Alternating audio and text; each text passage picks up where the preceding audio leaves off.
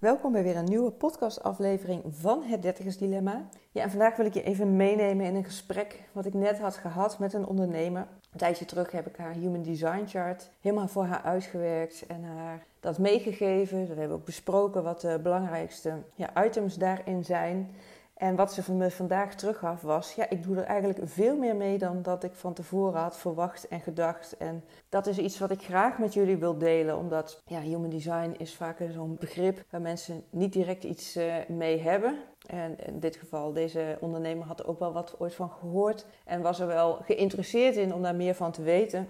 Maar had eigenlijk helemaal niet ja, helder en inzichtelijk wat het allemaal voor haar kon gaan uh, betekenen. Dat vind ik natuurlijk mega inspirerend om daar uh, met haar de diepte in te gaan. Dus ik heb haar uh, nogmaals haar chart helemaal uitgewerkt, haar een terugkoppeling ingegeven. En daarna is er ook nog één op één contact via Voxer om ja, in te zoomen op het dagelijks integreren hiervan. En vandaag stond na een paar weken dan ook weer een call gepland om ja, wat dieper in te zoomen op, op wat ze allemaal tegenkwam. En ik wil jullie een aantal uh, dingen meegeven die zij mij teruggaf in dit gesprek. Uh, zodat je kan kijken, en je hoeft helemaal geen ondernemer te zijn, dat kan ook op persoonlijk vlak gewoon, maar dat je eens kan kijken voor jezelf van wat zou ik eruit kunnen halen. En wat ze in ieder geval zei was, hey, door ja, hiermee bezig te zijn en af en toe dat naslagwerk erbij te pakken, daar bewust van te zijn van een aantal patronen die ik blijkbaar in me heb, bewust dan wel onbewust, ja, is het voor mij veel helderder geworden ja, wat ik zo al doe. Dus ik bewustwording gecreëerd. En ze zei ook, dat was wel grappig, dat ze zei, in eerste instantie voelde ik ook wel wat weerstand op bepaalde dingen, bijvoorbeeld in haar chart stond specifiek dat ze niet altijd dingen afmaakt. Dat ze soms door kan gaan naar het volgende zonder dus iets af te maken. Waarvan ze in eerste instantie zei, ja, maar daar werd ik eigenlijk een beetje geïrriteerd van, boos zelfs, want dat herken ik helemaal niet bij mezelf. Maar door dit gelezen te hebben, zei ze ook van, ja, ik merkte dus dat ik bezig was met een mail en dat ik verder wilde met iets anders en dus eigenlijk die mail nog niet af had. En toen zei ze, oh ja, dus dat stukje herken ik wel degelijk in mezelf van dingen niet afmaken en doorgaan naar het volgende. Dus door dat gelezen te hebben, besproken te hebben, maakte voor haar ook helder van: oh ja, dit is zo'n moment, wacht even, ik heb hier een keuze in te maken. Ga ik die mail afmaken of ga ik nu met iets anders bezig en kom ik later terug op die mail? Nou, in dit geval koos zij ervoor om eerst die mail af te maken, om dat rustig af te sluiten en dan door te gaan naar het volgende. En dat is natuurlijk een keuze die ieder voor zichzelf te maken heeft: van wat doe je daarmee? Hè? Want je mag natuurlijk ook kiezen van: oh ja, ik ben me er bewust van, ik maak even iets niet af, ik kom er later op terug. En wat levert je dat op? Voor haar in dit geval was het stuk bewustwording van: oh ja, ik maak eerst die mail af, want dat geeft me rust. Kan ik me daarna volledig focussen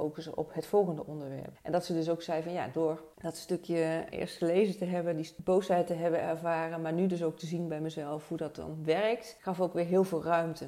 Om daar dus, ja, wat ik zeg, andere keuzes in te maken. En wat ze ook aangaf is, hey, door hele kleine veranderingen aan te brengen, dingen die ik door dat stuk bewustwording te creëren, net even anders aanpak dan dat ik eerder zou hebben gedaan vanuit het automatisme, hè, vanuit het onbewuste, ja, maakte ook dat ik veel meer rust en ruimte ervaar. En een heel concreet voorbeeld wat ze gaf was, normaal zou ze na een drukke werkdag thuiskomen en bezig gaan met het huishouden en het koken, helemaal klaarstaan voor haar gezin. En waarvan ze nu zei, afgelopen week, het was prachtig weer, heel bewust gekozen om die kleine wel wat te eten te geven, maar uh, niet zo uitgebreid te koken als wat ze normaliter zou doen. En daarna met haar gezin even eerst een boswandeling te maken. Ja, de ruimte die het haar gaf, wat ze zei was, ja, ik was en heel veel tijd, waardevolle tijd met mijn gezin samen. En toen ik eenmaal thuis kwam, en ook tijdens trouwens die wandeling, dat ze zei: Ik heb echt die waardevolle tijd met mijn gezin in dat bos. En door de rust die ik ervoer, kreeg ik ook nog eens hele mooie ideeën om binnen het bedrijf nou ja, uit te gaan werken. Terwijl als ik thuis zou zijn gebleven en me zou hebben verloren in het huishouden en het, nou ja, het koken,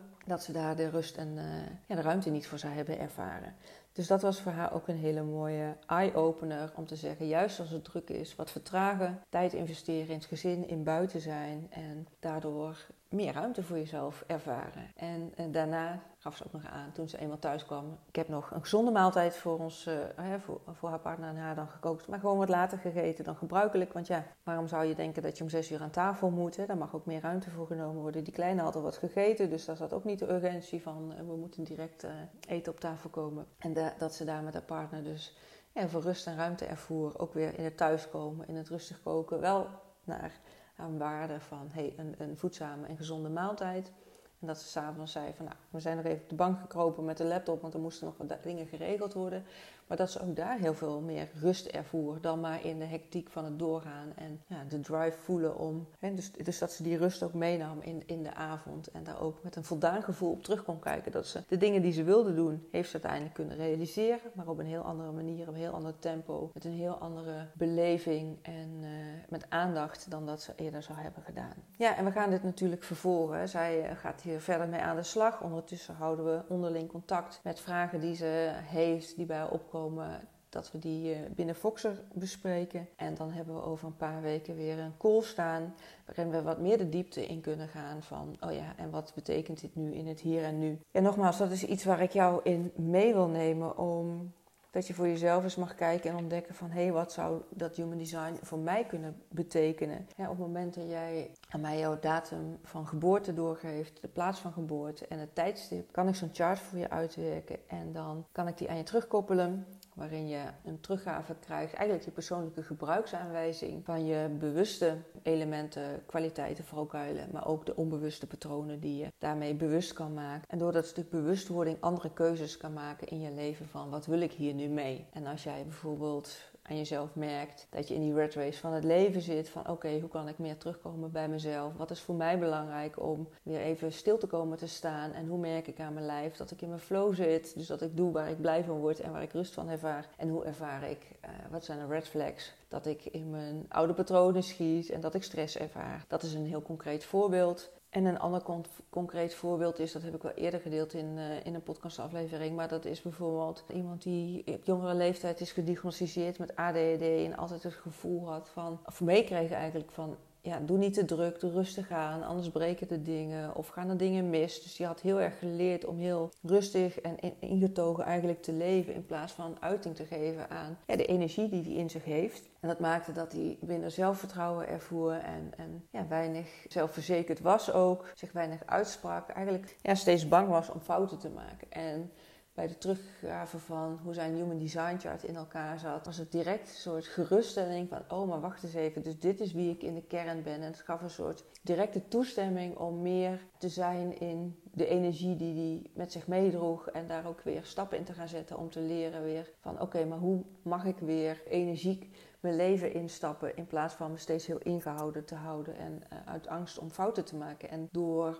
weer meer uit te gaan proberen, weer meer te gaan doen met daarin de ja, backup van mij om uh, te kunnen sparren waar die tegenaan liep. En daar waar je denkt van, oh wacht eens even, dit is spannend, dus ik ga maar weer in mijn oude patroon. Om dan juist vol vertrouwen toch in te kunnen stappen en te gaan ervaren wat het je juist kan brengen. Want het zijn ook hele sterke kwaliteiten. Deze man had ook ja, heel veel kennis in zich, maar durfde dat niet te delen omdat hij bang was fouten te maken. En doordat hij meer in lijn kwam met wat voor hem werkte en dat zijn zelfvertrouwen daardoor vergrootte, is hij zich ook meer durven gaan uitspreken. En dat was voor hem ook een, ja, een hele waardevolle ontwikkeling, omdat hij ook daarin merkte van hey, dit heeft een positief effect op mijn zelfvertrouwen. Ik durf meer te staan voor wie ik ben. Ik weet dat het maken van fouten, het leren van door dingen te doen. En die kunnen wel eens anders uitpakken dan dat je misschien van tevoren had bedacht.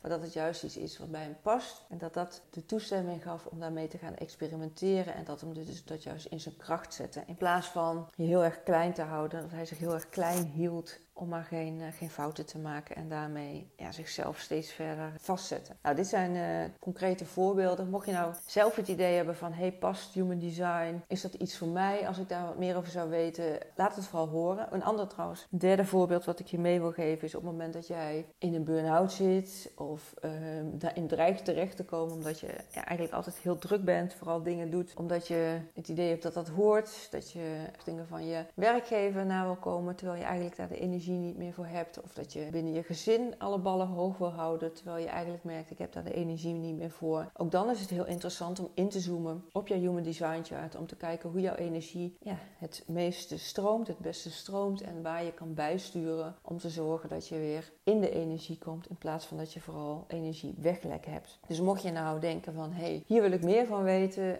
Plan vooral een, uh, een call met me in.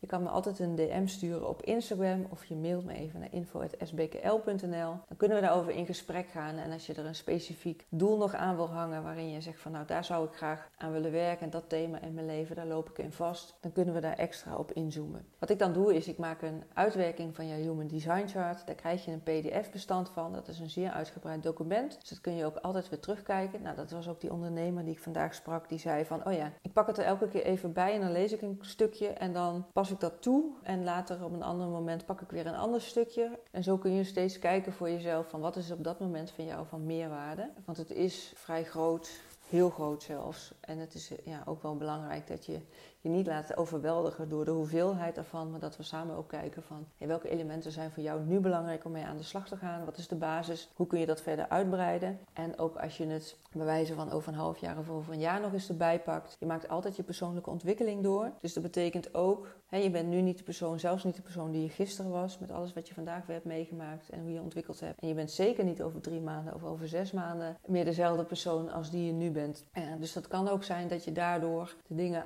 die in dat PDF-bestand staan anders gaat lezen, anders gaat interpreteren, anders gaat meenemen. Maar dat blijft dus een heel waardevol document waar je steeds weer op terug kan grijpen. En wat we dan doen op het moment dat, dat ik dat eh, document voor jou heb gemaakt, dan krijg je dat toegestuurd. Dan plannen we een call waarin we daar echt een uur, anderhalve de tijd voor nemen om er helemaal op de basis op in te zoomen. Wat dat voor jou betekent en hoe je daarmee aan de slag kan gaan. En middels Foxen, dat is dus een soort WhatsApp, hebben we dan contact. Dat kan vrij intensief, maar dat kan ook ja, net maar wat jij prettig vindt. Als je zegt één keer in de week even over sparren, is, is ook prima. Dan kunnen we daar uh, op inzoomen van waar je in de dagelijkse dingen tegenaan loopt. Of waar je uh, merkt van hé, hey, hier val ik toch even terug in oude patronen. Hoe kan ik dat scherp houden voor jezelf? En is dat foxen heel belangrijk, omdat niks menselijk is ons vreemd. De, de neiging is vaak om toch weer in de waan van de dag mee te gaan. En dan verdwijnt zo'n document of die inzichten verdwijnen naar de achtergrond. En juist door daar dagelijks of wekelijks over te sparren in die Voxer-app, ja, dan hou je dat scherp voor je. En dan kun je ook meer gaan integreren wat je daar leest en wat je uh, tot je neemt. Want uiteindelijk gaat het er niet om dat je bepaalde kennis tot je neemt. Het gaat er echt om hoe integreer je dat in je dagelijkse leven. En hoe zorg je dat dat nieuwe patronen worden. En een hele belangrijke binnen dat Human Design uh,